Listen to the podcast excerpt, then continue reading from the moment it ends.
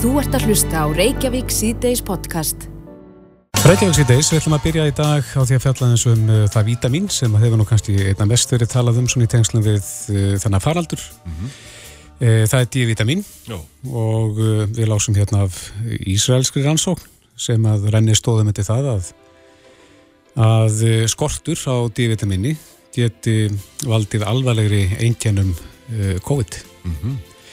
En það er nú lengi verið talað um D-vitamin svona í, af ýmsu tilefni í gegnum tíðina en svo greinir menn á um það hversu mikið á að taka oh. til þess að, eh, að svona að fullnaði öllum þörfum.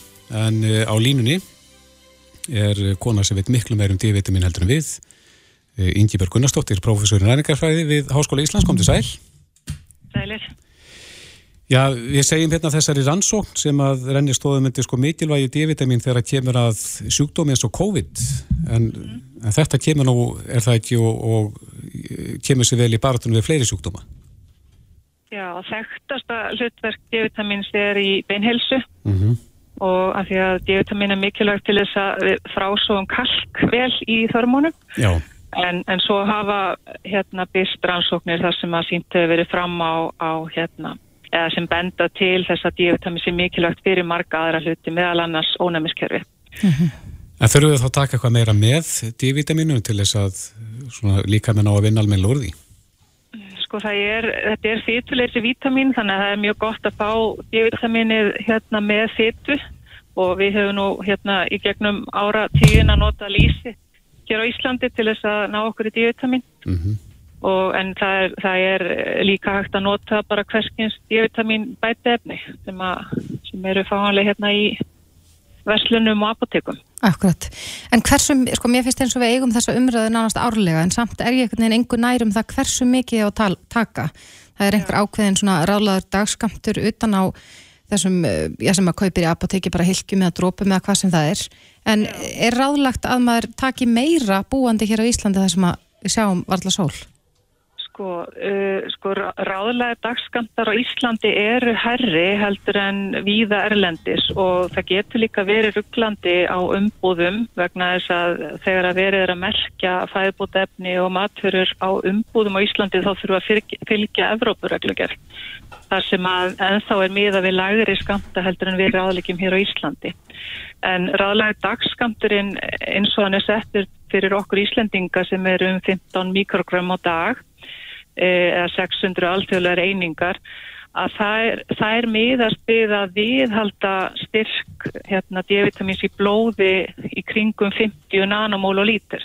Það er þau, þau viðmið sem við viljum að, að, að flestir séu hérna um og yfir e, og, og ef að fólk hefur verið að taka D-vitamin e, þess að skamta D-vitamini í allan vetur þá ættu þeir að vera í góðum málum En hins vegar ef einhver þarna út er að hlusta og hefur ekki verið að taka D-vitamíni vetur að þá er mjög líklegt að, að, að það sé farin að mynda skortur á vitamíninu mm -hmm. og þá gæti verið gaglegt að taka aðeins herri skamta heldur en þessa viðhaldskamta sem er álega skamtanir eru mm -hmm. í ákveðin tíma bara til þess að leiðir þetta skortin og í, bara í þeim tilfellum þá myndir maður vera kannski að ráleika 25-50 mikrogram á dag eða 1000 til, til 2000 alþjóðlega einingar. Nú heyrir maður 2000 til 4000 að, að svona svimi sem ráleikja það. Er, er það á mikið?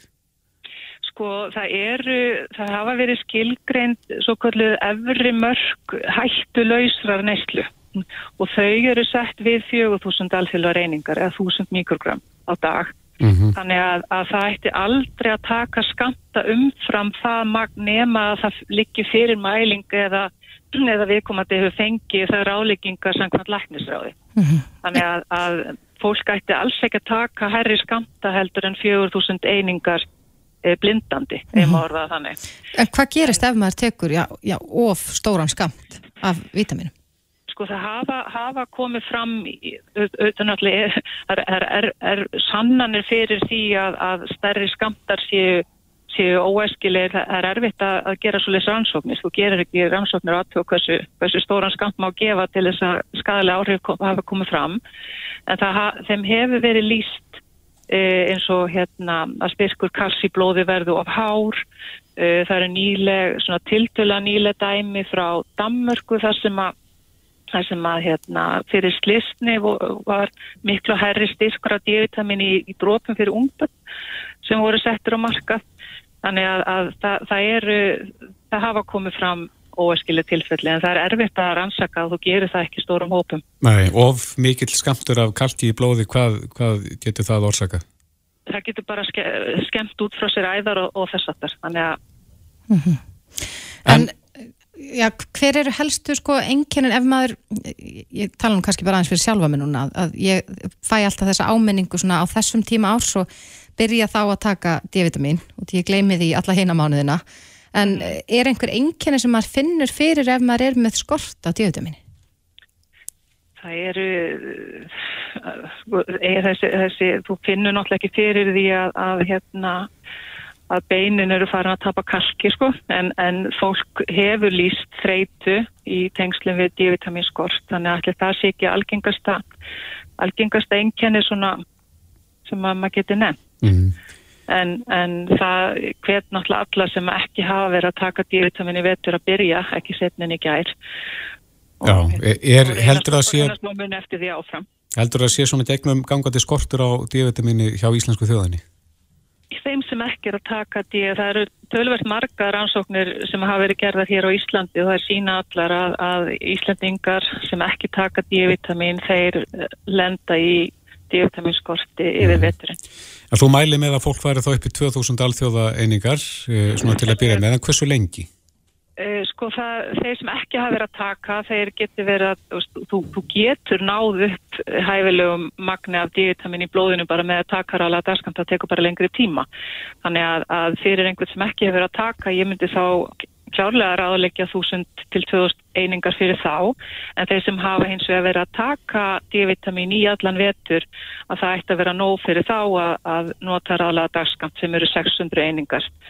15 mikrogram, 15-20 ef að, að umræða eldri einstaklinga. Mm -hmm. En það er svolítið erfitt að finna, finna þessa, hérna, þessi bætefni sem innhalda 600-800 þannig að þá myndi ég bara segja 1000 til þess að vera einfald á lífið. Akkurat. Mm. Já, þetta er mjög þorf áminning eflust fyrir fleiri en mig. Ingi Björg Gunnarsdóttir, professor í næringafræði við Háskóli Íslands. Takk kærlega fyrir þetta. Takk, sem leiðis. Þú ert að hlusta á Reykjavík C-Days podcast. Jæja, Reykjavík C-Days heldur áfram. Nú er uh, verbúðinn á fullu í sjónvarpinu. Mm -hmm. Var ekki mikla aðtekli. Já, veistu, ég held, held nú eiginlega bara, ég myndi aldrei segja það að, að ég væri bara djúft sokkin í, í dramatíska þáttaröðum kvotakerfið. Nei, akkurat. En ég er djúft sokkin í dramatíska þáttaröðum kvotakerfið. Já, og kvotakerfið er komið svolítið upp á yfirborði núna og, og Þetta er svona hreift við umræðinni um það? Já, og veistu að ég, mér finnst það líka, sko, ég er náttúrulega elska að taka það fram hér þessum þætti hvað ég er ofbúsla ung, mm -hmm. en, en þetta gerist allt svolítið bara fyrir mína tíð áður en ég fæðist og þannig að ég var ekkert svo mikið að fylgjast með kvotakerfunu þegar ég var tveggjara. Nei. En uh, þannig að þetta er líka bara svona ágætis, uh, sko, kennslustund fyrir fólk á mínum aldri bara svona að, mm -hmm. að koma sér inn í hvernig tíðarandin var og hvernig staði var að þessu og... Já og þannig að. Og það er spurning hvort að hans er sammála því að þarna sé svona uh, verið að byggja á sögulegum staðrendum. Hann daði Mór Kristófesson, professor í umhverjus og öðlindahægfræði og, og reynda að vara þingmaður viðreysnar. Kom til sæl? Já, kom til sæl. sæl. Ég myndir að segja það að þarna væri, væri svona sögulega staðrendir að þeim væri vel til haldið þarna og haldið til haga. Já, það er nú kannski þannig að, að ég held ekki að við sætum öll línd á sunnundaskvöldum yfir sögulega nákvæmum uh, frásögnum af tilur gótakerfisins, sko. Ég held að það er í fljótt svona frekar þreitandi. Mm -hmm. Þannig að það er svo sem alveg skiljanlegt að, að uh, sagan sé einföldu, um ekki að segja það. Já. Mm -hmm. En er það ekki ágættis leið samt til þess að, eins og ég tala um sko eins og fyrir fólk á mínum aldrei sem mann ekki eftir þessu, þú veist, mér getur ekki sagt ég satt þarna þegar þetta gerðist, að, að fá svona, uh, já, frekar einfalda útskýring á því í sko, tilurð kerfisin sem slíks? Jú, ég held á margan hátt að þá sé það bara ágætt eh, en það er samt auðvitað verða eh, hérna plott í svona sögu að, að, að vera drifin áfram af atbyrðum.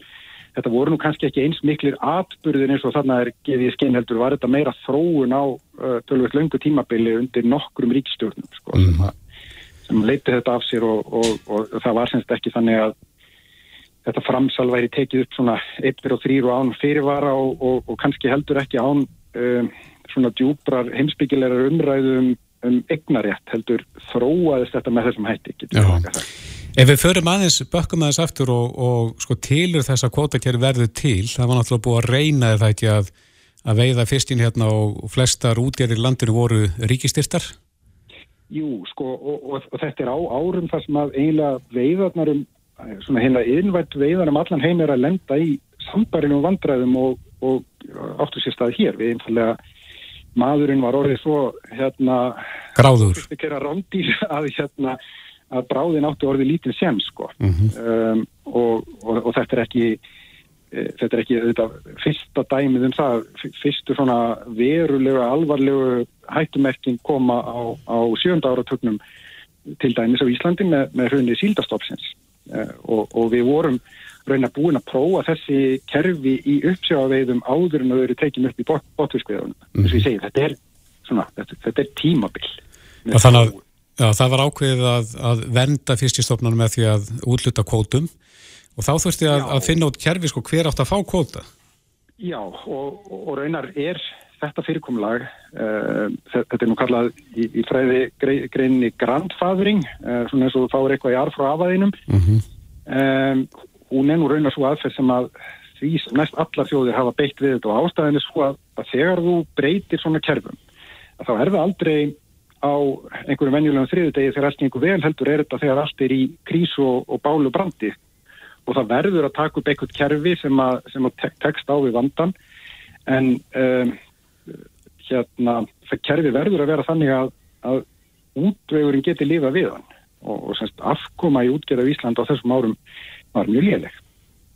Og, og sko það er kannski annað. Um, nú er ég sjálfsagt eftir að reyta einhverja kollega mína til reyði en, en hótakerfi sem, sem aðferð til þess að takmarka áveiði hefur nú kannski ekki raunverulega farið að, að, að virka almenlega fyrir ná allra síðustu árum framan af snýrist þetta nú meira um uh, uh, ofmikla sókn og ofmikla fjárfestingu í sjáurútægi sem að, að leiti til mjög lélæra afkomi. Þannig að kerfið er meira en það hver fær að veiða, um, hversu mikið má veiða, það er eiginlega önnur ákvöldum og, og hún var svona lengi vel á höndum stjórnmálamanna því niður mm -hmm. sem eiginlega bara til þess að við tókust ekki almennilega, myndi ég segja, á við ofveiði á botvístofnum fyrir en á þessari öll. Myndur þú segja að, að þetta kerfi væri núna komið svona í þokkalegt torf? Já, ég, ég er mjög mikill aðdáðandi þeirra aflareglu sem er núna í gildi. Ég, ég held að hún sé mjög skinsanlega. Það er, það er á, semst, reglan sem ákveður hversu mikið má veið í heldina og ég heldur einar að kvótakerfið sem slíkt sko, uh, sé eiginlega eina um, almenlega notara lausnin til þess að stýra ábatasömmum veiðum en, en uh, ég þarf ekki að útskjara fyrir ykkur að, að uh, þegar að verður til ábati af lýtingu og auðlinda sem eru í samegna þá verða auðvitað um það pólitiska deilur. Mm -hmm. En það eru, er, var kvótakerfi mikið til umræði núna fyrir síðustu kostningar. Já. Var staðan svipu þarna þegar að kerfi var sett á? Voru uh, þeir flokkar sem eru og voru á þingi í raun og vera að takast á um, um þetta það sömu hlut og við erum að takast á um núna? Nei, eh, sko, eh, eh, ég held að engum hafi raunverulega uh, órað fyrir að, að kvotakerfi myndi skila uh, eins ábata sem við sjáum út við og við erum að sjá í dag. Um, einhverja prinsipspurningar voru þetta en, en aftur að þá þurfum við að rifja það upp að, og, og eins og ágætlega kemur fram í þessum þáttum. Ég er að marga nátt og ég er alveg eins og þið alveg húgt á þeim og, og horfið að þetta alveg límtur og sundarsköldum í línulegri dagskrá. Mm -hmm. En hérna um, afkoma sjáratsfyrirtækina var mjög slæm. Um, og þetta snýrist meira en það að, að það var bara blasti við að sjóðin gæti ekki búið við að þessi grundvallar aðtunni við skilaði ekki arði. Um, e, þessar spurningar um sko e, svona eignarhaldi á auðlindinni og annars slikt þær voru kannski ekki eins fyrirferðar miklar þó skal ég viðkjanna að ég vil þó ég sé umtalsvært eldri e, þá er þetta líka fyrir mína tíð. Ég var nú raun að bara smá part í borgarhauðinu þegar þessi lögur er sett. Mm -hmm. En svo komað að framsælinu og það er nú það sem að styrin hefur nú staðum það er að, það er að gera fiskin framsæljarlega neða kótan Hver, hverjir stóðu fyrir því? Sko þessar ákvarðanir eru teknar, semst, uh, það eru þarna nokkuð hröðskipti á ríkistjórnum en það, það eru þarna tvær viðkvöldaðan á vinstri stjórnir, þess að það eru stjórnir sem leittar voru á framsóknarflokknum, það kemur þarna eitt stört tímabil inn á miðjutímanbilinu þar sem sjálfstæðisflokkurinn var í með fórstfröðuniti en annars er þetta nokkur ráðuniti uh, hér Hermanssonar sem er umverulega standa þessum ákvörðun. Já, og um það í raunni stendur styrinu það ekki dag, það er svona hver, hver á fyrstin? Fram, framsalið, Já. jú, en, en eins og ég segi sko, þó að framsalið hafi orðið að eiginlegum grundvallar lögum og orðið raunverulega frjálust eins og við kannski tölum um með þessum lögum sem settir 1990 að það var nú samt búið að vera framselja kvóta í all nokkur ár fram að því og það mátti raun að flytja ná mikið skipa alveg frá upphæfi innan útgerða og svo voru alls konar undan þá voru breytir á þeirra og þessar, þessi flutningar skiptu hundruðum áður en að þeir eruðu að lögum. Sko. Mm. Er einhverja þjóði sem hafa tekið okkur sér til fyrirmyndar eða er þetta alveg einstakt í heiminum eins og þetta er? Nei, nei það, eru nokkuð kvótakerfi sem eru á svipuðum aldri. Um, Uh, nýsjónarska kvotakerfið er, er unnar ennþá frjálslindara heldur en okkar kvotakerfi og er tekið upp á mjög svipuðum tíma uh, og, og norska kvotakerfið sem er ekki með sama framsalsmöguleika, það kannski líkist meira kvotakerfið eins og var fyrir lögi 1990, semst frá 84 uh, það er tekið upp með svipa lit í kringu 1990 þannig að, og, og svo eru kvotakerfið út um allar heim Akkur, það er nú eitt sem maður sér svolítið mikið í verbúðin að það er svona allskyns vinagreiðar og, og kannski dass af spillingu hér og þar. Ætli staðan sé eins í dag? Já, sko, já, sko, nú ætlum ég ekki að fara hérna að setja með hatt stjórnmálafræði profesorsins en, en, en Íslandingar er náttúrulega pragmatíski, sko, og, og eins og ég segi það á þessum árum að þá, þá er um, sko þjóðin mjög meðvituð um að, að rekstrar vandræði í sjáur og það eru vandamál fyrir alla þjóðina vegna þess að ef við ætlum að halda áfram að kaupa veitir, bíla og banana þá, þá verður það ekki gert öðru sem að selja eitthvað á móti og þessum árum og það er það lítið annað en fiskur.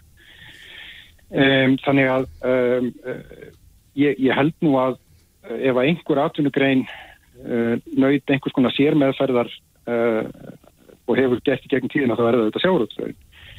Hvort við eigum beilins að kalla það spillingu, ég hefum bara láta einhverjum öðrum fræðimanni það eftir. Já, akkurat.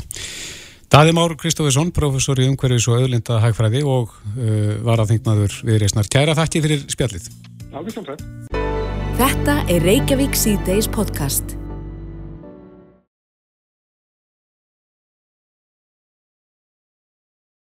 Jæja, það hafi verið tröflanir á samgöngum það var fengið að finna það, þeir sem hafa þurft að fara hér milli höfuborgarsæðisins og uh, Suðurlands, Selfoss eða hverja gerðis. Það var líka bara frekar erfið færð í morgun, ég fór snemma út með börnin í skóla og, og það var svona pínu æfintilegt að fylgjast með fólki. Já, en helliseiðin, hún hefur verið lokuð núna frá aðfaranótt mánudagsins og er lokuð í það mista síðast er við aðtöguðmáli, þá var hún lokuð.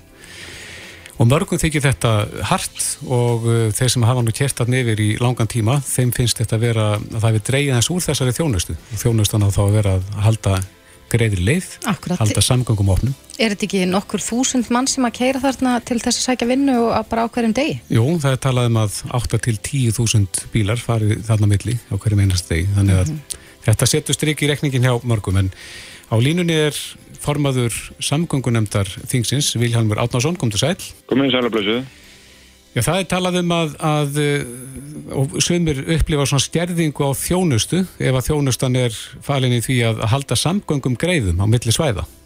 Já, það er ekki gott þegar svo er að því að samgöngur eru náttúrulega eitt af grunn þjónustunni og, og mikilvægi þeirra kannski bara eikst með hverju árinu þegar að byggðin dreifir úr sér og, og atvinnusæðin stekka og samgöngunar er meiri þáttir í ferðarþjónustunni og annars leikt þannig að það skýktu svolítið skökku við kannski að þegar að veginnir eru byggðir upp fyrir aukna notkun og er nýjir að þá séu að það er erfið að handa þeim opnum mm -hmm. það getur verið eitthvað út frá hönnuninu og hvernig þeir eru gerðir en það er líka út af því að það er fjölbreyttar umferð og kannski meira óönnu fólki og, og svo er nú bara alveg niður í minni naglat ekki á notkun annað þannig að kannski fólk ekki alveg jafnvel búið og þannig að það er margt sem kemur inn í þetta og þá er þetta bara verkefni svolítið okkar stjórnanda með frangandavöldinu eða veikirðinni að finna þá bara einhverju leiðir til þess að hafa þetta í lægis. Hvort sem að það er auki fjármagn eða einhver annað skipulag eða hvað það er. Það er alltaf ekki hægt að hafa svona stórar og mikilvægi samgöngu eða lokaður í svona langan tíma. Mm -hmm. Það var ansi áhugavert að fylgjast með því hérna áður en að rauða viðvörun tók gildi þá var búið að gefa það út, var vegagerðin búin að gefa það út að, að, að hellisheðinni yrði loka þarna klukkan tvö þegar verði, veðrið var farið að versna og ég gefið út að nýjar upplýsingar um færðmyndu séðan ekki koma fyrir en á hádegi á þriðjudag eins og, eins og búið hafi verið að taka ákvörunum að hafa heiðina lokaða í tvo dag. Er það ásættanlegt að, að svona mikilvægum stopnæðum sé lokað svona lengi? Nei, það er náttúrulega ekki gott ef rétt er að það er bara búið ákveða fyrirfram ef hann hefði átt að vera lokið svona langan tíma það hefði þá átt að fylgja allar með upplýsingar hvort að, að það erði reynda haldinu opni sem ég tel nú að hafa nú verið reynda að, að opna fyrir að mögulegt er, ég trú hann ekki öðru en að, að það hafi verið reynd og, og svo náttúrulega kemur það inn í að líka upplýsa fólk að hvert er planið? Er planið að reyna að hafa trengslinopinn eða helliseðinilókuð eða verður ómögulegt að hafa trengslinopinn og á þá að reyna að suðstanda veginn krísuguleið eða, eða eru bara allir vegir lokaðir sko. og þannig að við verðum allavega að trúa því að þessi allt gert til þess að reyna að opna svona miklu að samgöngur eins fljótt og hægt er eða þá að opna um tíma og loka um það aftur það hefur nú þekst við át á landi að, að, að það er þá bara auðlist hvenar mögulega verið hægt að opna og þá verið svona svokallega fyldarakstur í gegn og annars líkt, þannig að auðvitað fyrir þetta eftir hérna aðstæðan hverju sinni bæði veðri og svo skilsminu að hafa eitthvað gámur lokað helliseginu um tíma og eitthvað svo leiðis en, en hérna en það er alltaf ekki gott ef það er búið ákveða fyrirfram að hafa langa lókun en ég trú ekki öðru heldur en að vegirinn hefur reynd að að opna eins fljótt að hægt er en, en hún verður þá upplýsað að svo sé Ég er rétt að svona áætla að að harðast aðgerni þessu á að vera lókun en, en þarf að finna ykkur svona millilegðir að, að þrep skipta viðbræði við svona óf, ófærð og, og veðri. Það er að segja að hleypa vel útbúinu bílum yfir á einhverjum tímapunkti áður en það er farið í algjöra lókun. Já, sko, það kannski þetta fyrir náttúrulega bara eftir hvað er framkvæmulegt í útfærslu.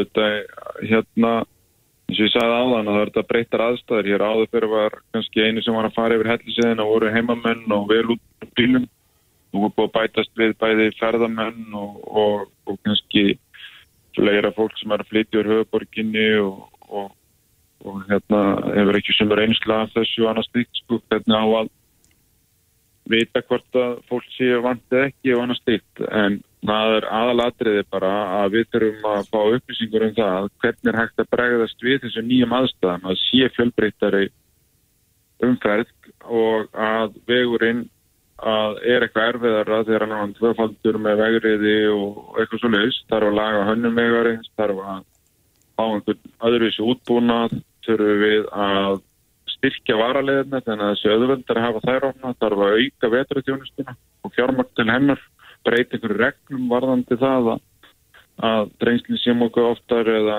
eða laga krísaukuleðina þannig að setja að halda henni með rópið og ef það þarf að loka því að Mér skilst nú að ástæðan fyrir því að það sé frá að loka hellisöðinni að bæði til þess að hún lokist á í stiktri tíma munum lokast af því að það tekur mjög lengri tíma að opna hann aftur ef það eru fullt af bílum fast, fastir í snjórkablónum mm -hmm.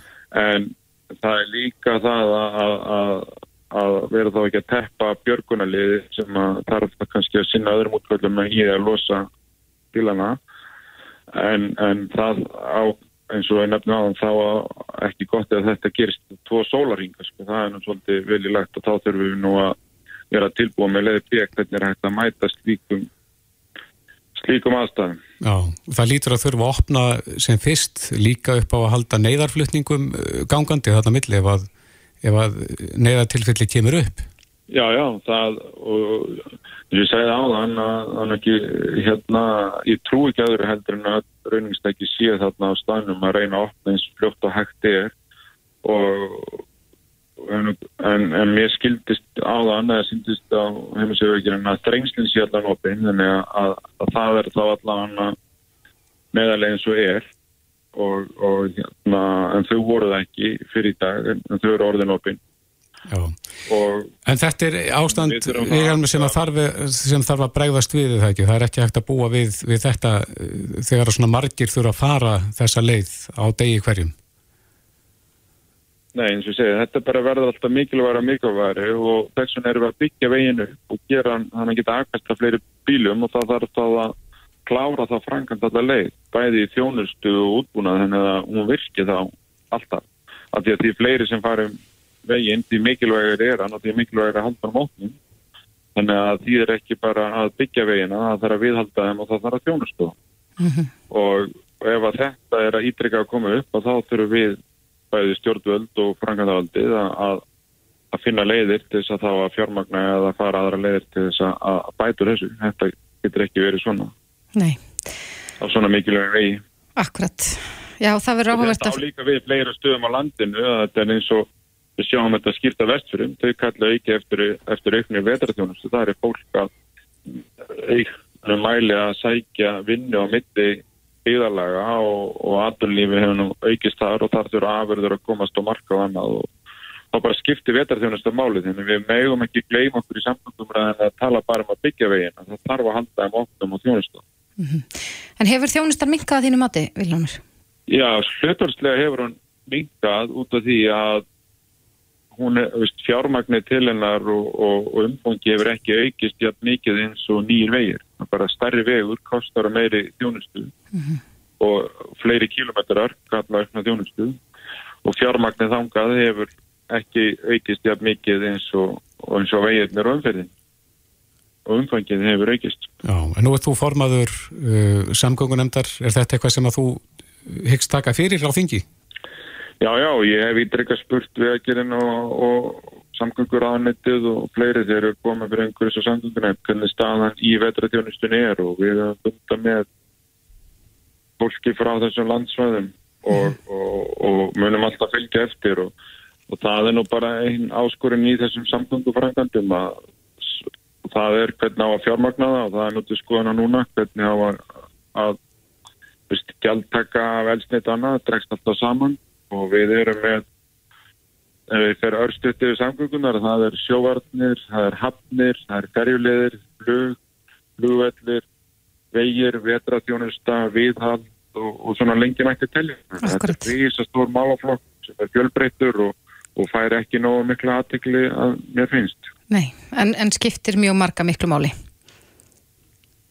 Ja, Þetta er bara einn helsta grunntjónusta þetta er mesta velferðar tækið sem við höfum Akkurat. Vilhelmur Arnason, þingmaður Sálstæðsflokksins og formaður samgöngunemdar þingsins. Takk kærlega fyrir þetta. Takk sem að leiðis. Þetta er Reykjavík C-Days podcast. Undarfartna mánuði, vikur og jafnvel ár hefur verið mikið talað um, um kynferðsbrott í okkar samfélagi og það vakti mikla aðtekli síðustu viku þegar kveikur var með umfyllunum slík brott og í raun og veru um, já, upplifun þólenda af því að, að leggja fram kæru í kynferðsbrotum og eitt af því sem kom mjög stert fram þar er það að eh, þólendur eru einungis vittni í þessum málum, ekki aðili að málunu sjálfu og uh, nú hafa nokkra konur stíði fram og, og fara fyrir áskorun á dómsmálar á þeirra um að brótaþólar fái formlega aðild að málum sínum í réttarkerfinu.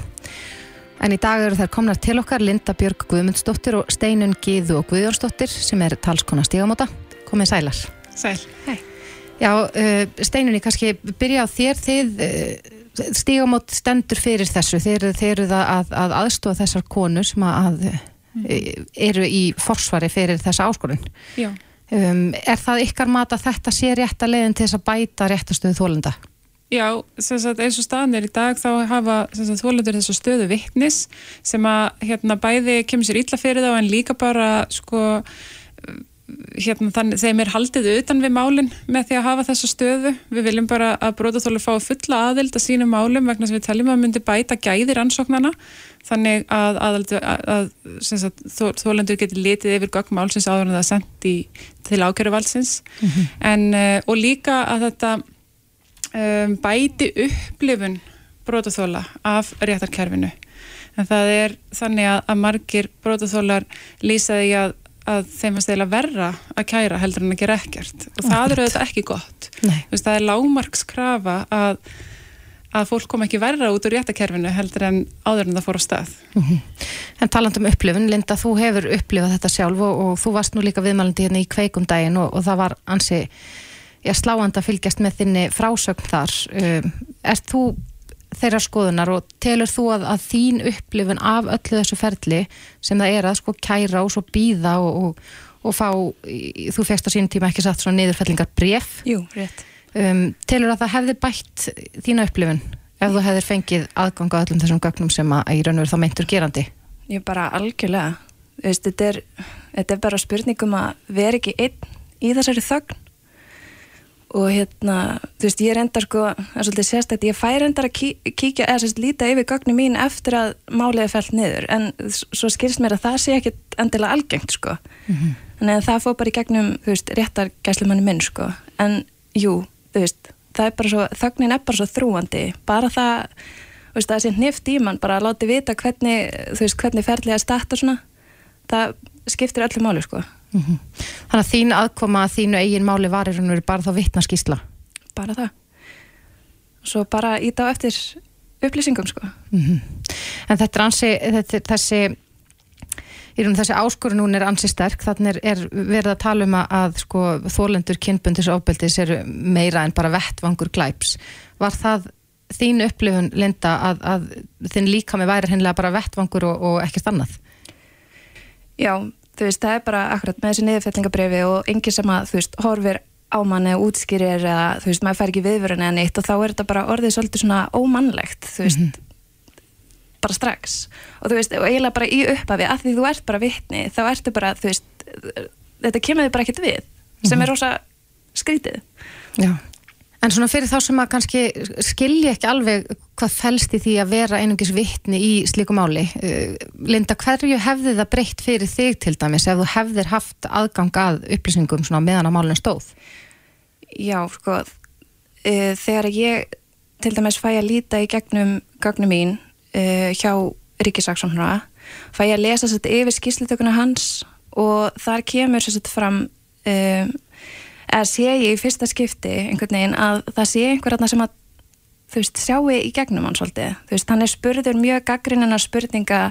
Það var sér til myndbalsupptaka af brotinu og hann er þarna spurður út í þú veist, nú erum búin að segja stopp svona mörgur sinnum og nei svona mörgur sinnum. Þú veist, hvenar er hann að meina það? Því að þess að kom niður, að í niðurfellingabrefinu mínu þá er vitnað í hann sko, þú veist, að hann hafi bara stoppað því hann að, að uh, hann vissi að ég myndi það. Mm og, og síðan er, er hann líka spurðið sko, núna er þetta að halda fyrir munnin á henni hvernig á hann geta sagt nei?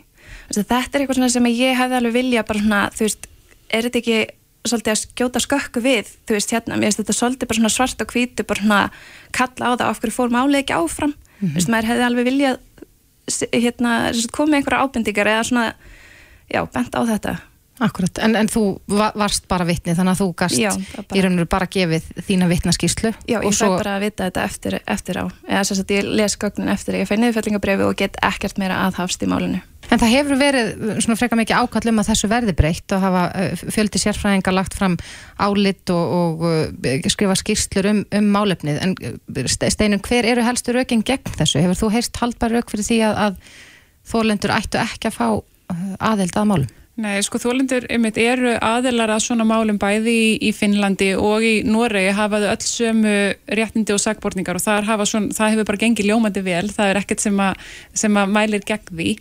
Um, sko, ég held að kannski það sem að, að standi helst í vegi fyrir því er bara að réttakerfið er íhaldsamt og mhm. vill ekki gera miklar breytingar.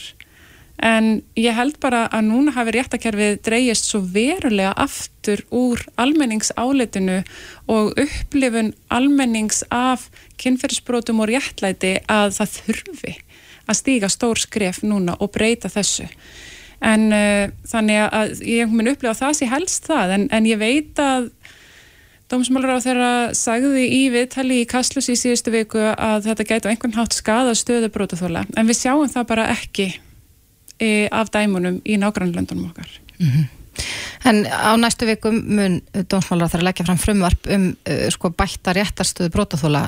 Hafið þið komið eitthvað að málum þar verið uh, til ráðgjafara eitthvað slíkt? Nei, það höfum við ekki gert en við sendum bref á samt uh, 13 öðrum hvenna og jafnbreytisamtökum núna í janúar til dómsmjölur á þeirra þar sem við buðum fram kraft okkar. Við hefum ekki fengið svar við því mm -hmm.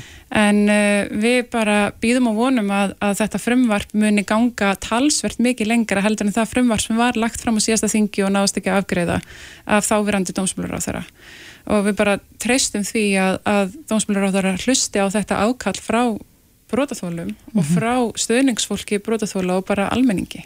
Akkurat. En Linda, þú komst bæði þarna í, í kveikum daginn og saðir þína sögu. Hefur fengið mikil viðbröð og, og finnur stöðning í samfélaginu þegar þú stýgur fram með þessum hætti? Bara miklu meira heldur en ég átti nokkuð tíma að vona á sko. Bara ótrúlega mikil stöðning akkurat. Ekki hirt neitt einasta neikvæða orð sko. Þannig að, að mér er að segja, þú veist, samstarfs aðla mínir, þú veist, það var eitt sem kom bara með blómvönd í vinnuna og ég var svo þakklátt sko en já, bara ótrúlega gott og þessi þáttur bara kom ég vel út, fannst mér sko mm -hmm. En þetta er núna í, í gangi þessi þeirra að sapna undirskriftum? Já, þannig að núna getur reyni, geta allir sem að vilja að þetta verði gert, að brótaþóla verði ekki lengur skilgarni sem vittni og líkamræðara sem, sem vettvangu glæps. Það geta allir skrifað undir þessa áskorun til dómsmálar á þeirra núna á stígamót.is og láti dómsmálar á þeirra vita að þetta sé okkar vilji. Akkurat. Já, Steinun Geðu og Guðjónsdóttir, talskona stígamóta og Linda Björg Guðmundsdóttir. Takk kærlega fyrir komuna. Takk fyrir. Reykjavík síðdeis á Bilginni podcast. Já, ég kíkja maður svona á atvinnumarkaðin. Já, í frettablaðin í dag byrtist uh, skoðanapistill mm -hmm. og uh, þessi pistill ber heitið Lítil saga af vinnumarkaði. Mm -hmm. Þarna skrifar Ingun Ólafstóttir lögfræðingur á mannuðstjóri. Hún segir hér, um daginn var mér sögð ansi áhugaverð saga af hámentuðum og uh, reynslu miklum 52 ára stjórnanda sem gekk illa að finna sér nýtt starf við hæfi. Hann ákvaða að gera litla tilraun og sóttu um starf hjá einum 60 fyrirtækjum. Hann útbjóð tvö setta ferilskram og kynningabrifum og sendi inn umsóknir til fyrirtækja þar sem sérfræðingar í hans geira voru stór hluti af starfsmannóknum. Annar umsóknarpakkin inni helt ferilskrá og kynningabrif eh, tilbúins 34 gammals sérfræðings mm -hmm. með góða mentun og reynslu og í hinum pakkanum var sambarli ferilskrá og kynningabrif en þó ívið meiri reynsla og þekking en þar var umsækjandin 18 árum eldri eða 52 ára. Sem sagt hans sjálfur. Hans sjálfur. Mm -hmm. uh, 54 fyrirtæki síndu áhuga og svöruðu umsókn 34 gamla umsækjandans en ekki eitt einasta fyrirtæki svaraði umsókn þess 52 ára. Þetta líktar af aldursfordóminn, verður maður að segja. Já og hún segir, rekur þarna líka í þessari greina, sko í nógumber á síðast ári voru hátt í 600 háskólamentaðir einstaklingar 50 ára eða eldri á atvinnuleysisgrá í Íslandi. Mm -hmm. Á línunni er Tinni Kári Jóhannesson, ráðnikastjóri góðra samstifta. Eh, kom til sæl. Komið heil og sæl, takk fyrir hafa mig. Er þetta eitthvað sem að þú getur svona tekið undir? Eh, Líktar þessi markaður af aldursfordómum? Sko, ég kannski ekki staðfest að svo sé, en ég menna það er til fordómar, aldursfordómar og svo nefnir réttilega eh, eins og aðrir fordómar að bæja þar eins og hérna, við erum oft eh, erum með sem, sem manneskur mm -hmm. þannig að hérna, ég las nú þessa grein líka og, og ég finnst það bara mjög þörf og góð umræða að taka upp sko vegna þess að það maður auðvitað snúa þessu líka upp í það að segja að það er gríðarlega sóun fólkinni því að, að nýta ekki þessa hefileika sem eru í, í, í samfélaginu. Akkurat, vegna þess að sko það, mér finnst skjóta frekar skökk við að við erum að tala um 52 ára einstakling sem á sko Já. meira en áratug og jafnvel tvo eftir á vinnumarkaði. Algjörlega. Að það sé litið fram hjá þekkingu og reynslu sem að, að sá einstaklingur hefur. Algjörlega, ég er bara hjartanlega, hjartanlega sammálega. Þetta getur verið alls konar þannig á bakvið svo sem, þó að ég svo sem sammálökar þessi saga líktar þetta af, af þessu, en, en í einhverjum tilfellum þá er það svo að, að hérna, fyrirtæki séu, eða, eða já, fyrirtæki og stofnarnir séu að horfa til þess að meðaldurinn séu orðin heldur hár og vilja þar alveg að yngja upp í, í fyrirtækinu til þess að mitt að vera með aukinn fyrirbyttileika og auðvitað sem að ég held að við séum svo mjög líka sammálu um að auðvitað viljum við hérna, að sé endunni líka á markaði þá ungt fólk inn í fyrirtækin og, og stofnarnar þannig að hérna, já, það er svona kannski mín sína ásöðu. Mm -hmm. En kemur hlutfall ekki svolítið óvart? Hvað, hvað voru þetta? 54 Jú. sem að svöruðu unga manninum en, en það var ekkert svar á þann það gamla? Kemur, það kemur klálega á óvart en, en svo þetta kannski veit maður ekki alla veist hvað er starfið og hvers konar fyrirtæki er þetta og annars líkt sko. Þannig að stuttasvarðið er að þetta kemur klálega óvart en, en maður kannski veit ekki alla söguna. Akkurat. En... Uh, Nú, nú eru þið hjá góðum samskiptum í allskynnsráðningum og meðal annars leitið uppi fólki í ymsa stöður. Er, hefur, hafið þið eitthvað tíma til dæmis bara verið beður um það að leita að, að yngri mannesku frekar en eldri og, og hver er það ástæðan fyrir því? Já, já, í, í klálega báðar áttir. Ég menn eins og ég segi, í sömum tilfellum er það þannig að það er viljið til þess að fá inn uh, nýja þekkingu úr háskólunum. Uh, Jafnverð er kannski verið að höfða til þess að fá inn aðla sem er með hérna hvað maður að segja, fjölbreyttari reynslu, hefur prófað aðra hluti, er kannski tæknilega sterkar og slíkt og þá tölfræðilega, þá er, þá er kannski aðlöðnarhefnin og, og, og að hafa alveg upp með tækninni er, hefur eitthvað að segja þar, en svo klálega hefur það líka verið eins og sem ég hinn áttina, það er að segja fyrirtæki sem að vilja fá aðila sem eru með kannski svo kallar stopnarnaminni eða, eða söguminni, muna eftir hvernig hlutinni voru og annars líkt og sjá það sem mikið hérna mikinn feng að fá fólk með, með mikla reynslu sko. Mm -hmm. það er alveg klálega báðar áttur sko. Já, en eh, staðan á vinnumarkað núna, nú eh, höfum við þetta séð hvernig við fórum í, í þessa já, kreppu sem tengdist heimsfaraldri. Er allt á leiðinu upp á við? Er, er vinnumarkaðurinn í, í bara blúsandi gýr? Já, heilt yfir, þá myndi ég líklega lýsa þannig að það er hérna byllandi gýr og, og bara mikið að gera ef maður kikið til dæmis inn á, á LinkedIn og skoðar hérna prófíla hjá fólki og sem maður eru margir búin að vera skiptu um störf og, og, og hérna og annars líkt á síðustu, síðasta árin allavega þannig að það er blúsandi ekki mikið að gera hjá okkur og öðrum svo sem á, á markaði líka sem starfi þessu þannig að ég myndi, ég myndi taka undir það orð. Hvað er eftirspilni mest? Í hvaða geira vantar? Já, það er helst til í tækni tengdum störfum. Eh, það er að segja, það er svona kannski sem fólk tengir oftast við það eru forreitar fólk sem kann að vinna í hinn mjög mjög tækni umhverfum en, en hérna það eru líka störf þar sem er skilningur á tækni og, og viðskiptum og geta verið það þessi brú þarna milli en heilt yfir þá myndi ég segja að langmesta fjörið er í, í tækni tengdum ráningum. Mm -hmm. En nú hefur maður auðvitað líka heyrt af, af sko fjöldafólk sem að misti vinnu mm -hmm. í faraldrinum Mundur þú segja að það væri erfiðara fyrir fólk á, á svona besta aldri, þessu gamla 50 fólki að, að komast inn á markaðin á ný? Um, já, sko, mér hefði getur snúið líka við og sagt að ungd fólk sem er með litla reynslu, það er líka ofbáslega erfitt að alltaf reynslu laus tilfæðilega að fara að finna næsta starf, það er, það er alveg líka klálega til í myndinni, en, en hérna er það erfiðara? Jú, kannski eitthvað leiti og, og að einhver leiti að sko, ég hef skoðað nokkra profíla sem eru M150 plus sem eru þá kannski fólk sem er búin að vera í tilteknum geira og tilteknum störfum mjög langan tíma og þá gerist einhver leiti kannski það sem, að, sem ég myndi kalla svona erfið yfirfæsla. Það er að segja að það eru fástörf sem að eru í því á því tiltekna sviði eða með þeim tilteknu hérna, já, þeim tilteknu störfum þannig að þá er erfiðar að yfirfara yfir á nýstörf eða, eða nýstörf. Það er færri sæti kannski þegar þér á þann stað. Mm -hmm. En að því að við erum að tala hérna um uh, sko rúmlega 50 mann, 52 ára gamla sem er nú bara kort núnt, er, þess, er þessi mörg að færast neðar? Mm, þegar að kemur ja. að þessum eina uh, aldursfordómum? Nei, ég myndi ekki held það, sko, það sem að heilt yfir rannsóknu allavega sína er það að að fólk er að stoppa stittra á hverjum stað. Þannig að ef að pælingin er þá svo að, að það sé svo stutt í það að, að þessi 50 pluss hægt að vinna ef að það er sagt, bæjasinn eða, eða fordómatnir þá myndi ég halda að það var í raunin akkurat öfu það sé í raunin að farast herra mm -hmm. En er það, skýtur þetta ekki líka svolítið skökku við vegna þess að við núna erum sífælt að tala um að, að eh, já, leifa fólki að vinna lengur? Mm að, að 52 ára einstaklingur gæti átt 20 ára eftir eins og ég sagði hann Já, já, heiklust sko, eh, alveg, alveg heiklust sko, en uh, það, það er kannski það sem ég finnst líka áhugast í þessu og, og fyrir áhuga saman um þetta, það mæl ég með að hérna, kíkja á bókin hennar árlega eitísar sem heitir Sterkar í setniháleik, en það er að segja í, í, út, út frá því, það sem minnst áhugast við það er að það eru fullt af tækifærum fyrir fólk sem er með mikla reynslu. Það er bara spurning um þessa yfirfæslu. Mm -hmm. Hvar er, er skortur á þessari þekkingu og reynslu sem að þau hafa og hvernig geta þau matrættana til þess að, að hún nýtist þeim og er rauninni að hérna, aðstofa fólk við að sjá virðið ef það sér það ekki þegar.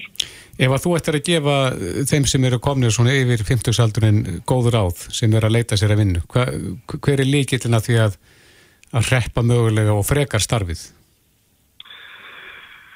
Já, það er stórt er spurt. Um, sko, ráðin mín væri líklega það að, að hérna að grafa neyður í, í þá hefni og, og þarfi sem beður um í starfinu og, og hvað maður að segja, endur speikla þær þarfir í þeirra reynslu sem það hafa. Það er að segja ekki ganga út frá því að fólk viti nákvæmlega er sem þú hefur gert og hvað þekkningum byrjir yfir, heldur að varpa því upp og að tengja punktara saman fyrir fólk, þegar það er ekkit alltaf sem að eitthvað tiltekki starfa að, að sá sem er að taka ráninga ábyrju skilur kannski hvað er þar á bakvið, þannig að þá taka þá hefnistætti sem þú hefur í því tiltekna starfi og para saman við þarfinnar sem að sem að verða að beðja um. Ég rauninlega aftur matriði þetta ofan í viðkomandi. Er þetta ákveðin sölumennskatinni?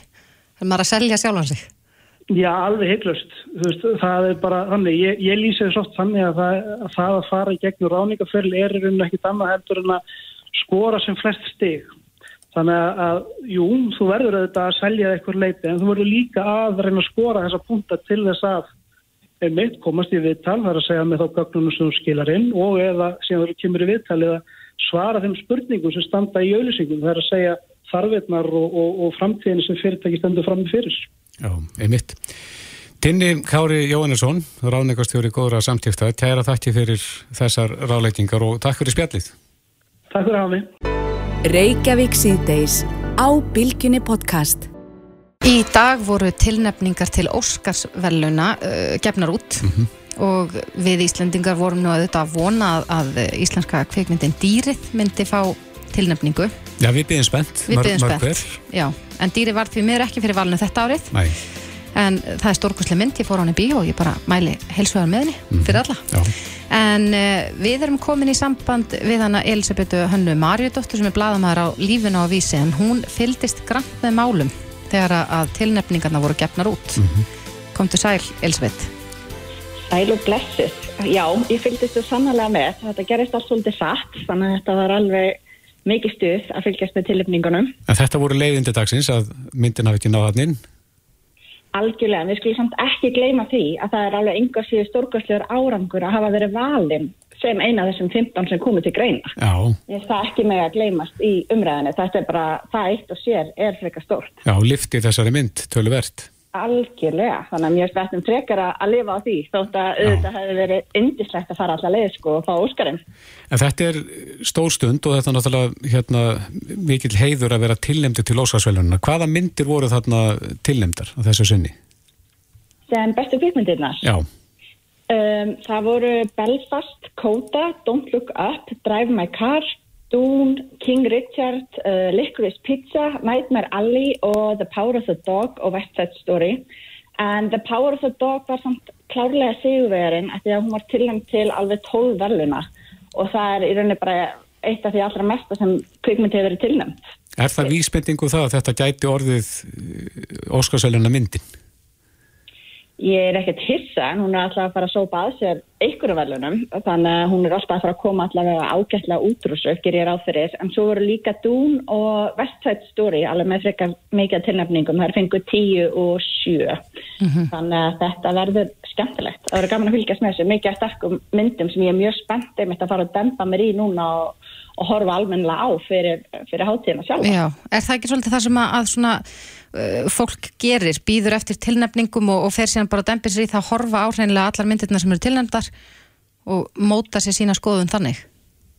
Jú, ég finnst það alveg vera svolítið tilfinningin í kringum þessa hátíð af því að oft er þetta svolítið svona stórar og þungar og mikla myndir sem að maður er kannski ekkert að sjá alveg, þú veist, á hverju strái en svo eru líka myndir þarna eins og Don't Look Up sem ég held að flestir sé búin að horfa á, á Netflix þannig að þetta er bara, já, skemmtilegt verkefni framöndan fyrir alla að fara að dempa sér í þetta og fylgjast með þessu. Er þetta ólíkar myndir? Já, eins og ég sagði, ég er nú ekki búin að sjá þar allar. Um, það er, já, menn, þetta er náttúrulega margar myndir og, og ólík sjónumið og mismunandi sögur. Þannig, og líka, menn, þessu vestsætt stóri það er náttúrulega söngleikur. Mm -hmm. Þannig að þetta er alveg, já, bara úr öllum áttum. Akkurat. En ég rakk augun í það akkurat að, að, að þú talar um The Power of the Dog myndina, að mm -hmm. aðarleikarinn í þeirri mynd er einnig tilnæmdur sem besti aðarleikari í, eða besti leikari í aðar hlutverki.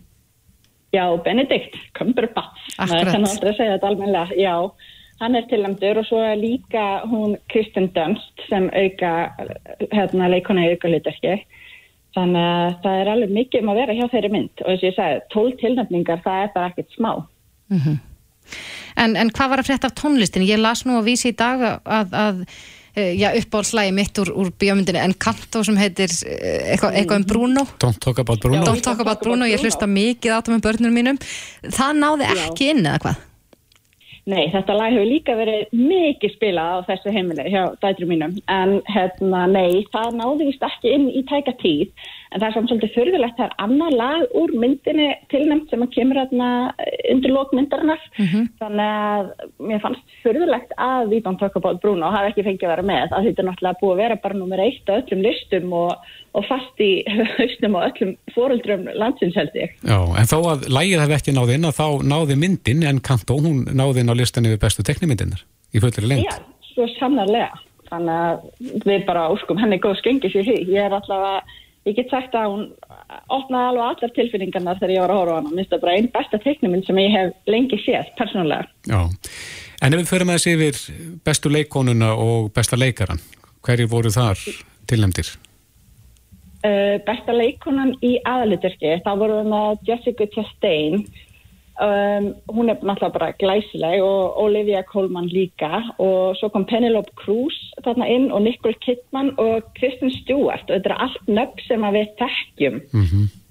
Úr, ég menna eins og Kristen Stewart, hún var náttúrulega í Twilight, kannski þekktist fyrir það. Þannig að það er alveg gaman að sjá hana vera að fá tilnefningu og náttúrulega Nicole Kidman hefur oft verið þarna á hátíðinni og, og eins og Olivia Colman var nú líki núna bara, hún er ekki tala átt síðan. Jú, ég held að. Já. En, en besti leikarin? Já.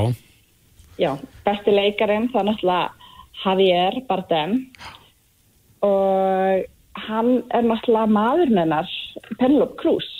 Þannig að þau eru bæði tilnæmt?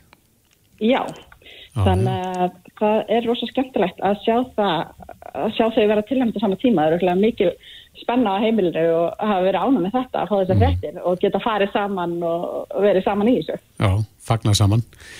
Og fleiri? Og fleiri já, leikarar, já, ekki, ég ætla ekki að gleyma mér hérna í, í ástinni hjá þeim. en hérna, aðri leikarar, já, litur ekki, voru alltaf þessu sem hann Benedikt og svo er Andrew Garfield sem er til dæmis fyrir Tick Tick Boom, en hann er náttúrulega kannski þekktast sem Spiderman þegar hann verið því. Mm -hmm. Þannig að hann er búin að vera svona aðeins að færa sig úr því yfir í svona, svona kannski alvarlegri hlutverk í gegnum tíðina. Akkurat. Og svo erum við með Will Smith og Denzel Washington og þetta er allt eins og með leikonurnar, nöfn sem við þekkjum svolítið mm -hmm. og ég, ég kemur ekkert óvart að séu þarna, þeir eru alltaf búin að vera að gera mjög skemmtilega og flotta hluti bara í gegnum tíðina þannig að það er gaman að sjá þau vera að fá þessar tilöfningar og maður getur rétt ímynda sér hvernig dagurinn hjá þeim er, þetta er svo mikið ef maður er í þessum bransa þá er þetta náttúrulega aðal markmið að fá þessa tilnefningu eða aðal heiðurinn, kannski ekki alltaf markmið hjá öllum þannig að þetta er alveg mjög stór dagur hjá öllum í, í þessum bransa úti Já. og hérna heima og út um allan heim Akkurat, hvenar fara sko, hvenar fyrir háttíðin fram? Háttíðin fyrir fram 27. mars og verður í Dolby leikursinu eins og alltaf og þetta er sko, það er búið að halda hátíð þetta er núna í 94. skipti sem hún er haldin þannig að þetta verður eitthvað skemmtilegt og það er einmitt verið að það er mikla getgáttur um það hver verður kynir á hátíðinni Já, er einhver, einhver nöfn þar sem að standa upp úr? Það er rosa mikið búið að nefna Tom Holland sem að ég mitt tók við af Andrew Garfield sem Spiderman en svo líka búið að nefna Only Murders in the Building tríóið og náttúrulega alla þessar klassísku grínista eins og Amy Poehler og Tina Fey og svo leiðis. Mm -hmm. Þannig að við sjáum bara hvað verður. Það er ekkert vita eins og er en þetta hlýtur að fara að skýrast bara á næstu dögum. Já. Og ég er mjög spennt að sjá. Einmitt. Elisabeth Hanna, Marjudóttir, bladamæður á lífinu á vísi. Kæra þakki fyrir þetta, við bara býðum spennt eftir hátíðinni sjálfri. Já, við líka, hún var einmitt í betni útsendingu á stöðtfö og við ætlum að fylgjast með þessu öllu á rauða dreglunum á, á vísi. Glæsilegt, takk fyrir spjallið. Takk sem. Hlustaðu hvena sem er á Reykjavík C-Days podcast. Það er fjölmörg bílaviðskipti sem hefur þessi stað e, daglega. Já. En hversu mörg þeirra ætli eigi þessi stað sko utan bílasölu? Ég held að, að það sé að færist í aukana að fólk sennilega bara selji bílinn sinni inn á bland eða inn á, inn á brask og brall á Facebook og, mm -hmm. og ég hef til dæmis selgt bíl þar, ég hef keift bíl þar og, og svona sérstaklega maður er kannski ekki að selja dýrasta bílinn. Nei, er einhver aukin áhætta við það? Ég, ég þekki það nú ekki alveg en, en það er hins vegar fjölmörg skref sem maður þarf að fara í gegnum að þau eigandarskipti á samgöngustofu og, og, og svo er þetta gott að hafa eitthvað svona yfirlit yfir tjón og fleira sem að bílar mm hafa orðið fyrir þegar maður maður viti svolítið hvaða vöru maður er að kaupa. Já, akkurat. En við rákumst á uh, fyrirtæki sem að, já, ég raun og veru sér um allan frágang, má segja, í bílaðiskiptum. Já, fyrir þá sem eru að selja svona framhjá bílasölum. Akkurat. Á línunni okkur er Helgi Pétur, hann er framkvæmtastjóri frágangs. Kom til sæl Helgi. Sælblessi. Já, út af hvað snýst ykkar þjónusta? Herðu, hún snýst bara nákvæmlega um það sem þú varst að nefna. Við erum mikið að þjónusta e, fyrirtæki og einstaklinga sem að eru að kaupa og selja aukutæki án þess að fara í gegnum þessar hefðbundi bílasölur. Þannig að þið eru í rauninni bílasala eða? Nei, við erum, við erum ekki, já, það má kannski segja þessum óhefðbundin bílasala, mm -hmm. en við hins vegar erum ekki að taka nefn sölulegin eða neitt slíkt. Við erum bara að útvega e, kerfi sem er í skíinu mm -hmm. á netinu þar sem að fólk getur í sjálfsakarislu hérna gengið frá öllu sem tengir spílaverðskiptunum og fengið kaupsamning og hérna ferilskra á aukutækis og upplýsingar um hvort það séu lán, veðbönd og annars líkt á aukutækinu og hérna og kerfið okkar út býr kaupsamning þannig að hérna báðir aðilar, bæði kaupandi og seljandi eru hérna betur tryggðir og réttast að það er betri ef eitthvað kemur upp og setna með aukutækið. Já, en þú segir að þið takið ekkert fyrir þessa þjónustu Ekki sölulegn Ekki sölulegn? Við tökum hérna, þetta er gælt sem að bílasölur hafa alltaf tekið aukriðist, þú veist það er að segja viðbót við sölulegn mm -hmm. sem að heitir raun og eru bara skjálafrágangur en við köllum þetta bara frágangur þar sem að við erum ekki að útbúa veist, pappir í þeim skilningi mm -hmm. heldur er þetta bara alltaf rafrænt fólk undir þetta er alltaf rafrænt uh, þannig að aðeins sem er að hérna versla kannski landsóna á milli geta bara græða þetta í gegnum kerfið okkar undir þetta allt saman rafrænt fengi mér að við erum með sam, samning líka við allar helstir lánastofnunar þannig að það er aftur að fara í gegnum fjármögnarferðlið og allt svolítið sér okkur líka mm -hmm. En hvað kostar þá frágangur? Frágangur kostar 19.900 krónur á bara einfalt aukutæki en oft er uppítaka á aukutækjum líka og við gefum þá 20% afsláta af uppítöku aukutækinu því að það er náttúrulega sama sama ferli sem á sér stað fyrir það kaupsamningur og eigandaskipti og upplettingar og allt þetta Já, en uh, að því við vorum að veltaði fyrir okkur hvort að þetta veri aldingt að fólk seldi bíla svona framhjá bíla svona, veistu hver talan er þar ja. og hlutullin? Já, ég sem sagt hérna í fyrra þá fórum við gegnum mikla og langa, lang, langt umsóknarferðli hjá tænithrónusið og fengur styrk til þess að halda áfram með þróun á þessari vöru og þá fórum við gegnum að skoða markaðið mjög vel mm -hmm. og eftir því sem við best vitum og sjáum með, með því að fóka okkur samgöngustofu og öðrum að þá er þetta kringum 50-50 50% sem að fer gegnum hefðbunda bílasölur mm -hmm. og 50% af eigandaskiptum á notuðum aukutækjum sem að fer ekki gegnum hefðbunda bílasölur Akkurat, en, en sko þú, talar um hérna 1900 bara fyrir eitt aukutæki er, er maður vanalega að greiða sko bílasölu með einhvers konar prósentutölu, er þetta eins og í fastegnaði skiptum? Nei, það er algengast að bílasölur eru með hérna fast gjald fyrir svona skjálafrágang sem að kemur bara ofan á prósentinu sem þeir taka í söluleun Mm -hmm.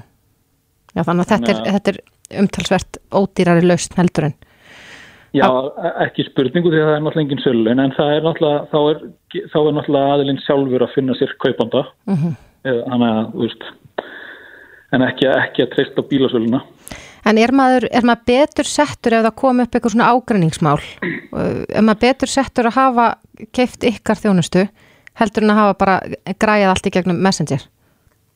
Já, ekki, ekki spurning út af því að aðilar, að, báðir aðilar fá rosalega svona gagsætt ferli hjá okkur þar sem við fá ferilskráðugutækisins upplýsingunum hvort það hafi verið tjónaðsli í sig gennum tíðina mm -hmm. og, hérna, og undir þetta kaupsamning þar sem að tekið fram að þau hafa fengið ferilskráðugutækisins og vitastöðugutækisins og ástandslýsing og allt svo leið sem að seljandin setur inn þegar hann pantar hjá okkur þá er sett inn ástandslýsing á augutækinu mm -hmm. og kaupandin hann skrifar upp á ástandslýsinguna og Þannig að er, það er klárlega miklu örgar ferli fyrir báða aðiluna ef eitthvað kemur upp setna meir, heldur en að fara bara gegnum þetta á messenger með engan kaupsamning og, og, hérna, og það er dæmum það við þekkjum mýmur dæmum það að fólk er að kaupa aukutæki uh, sem eru með veðböndum á og viti ekki af því.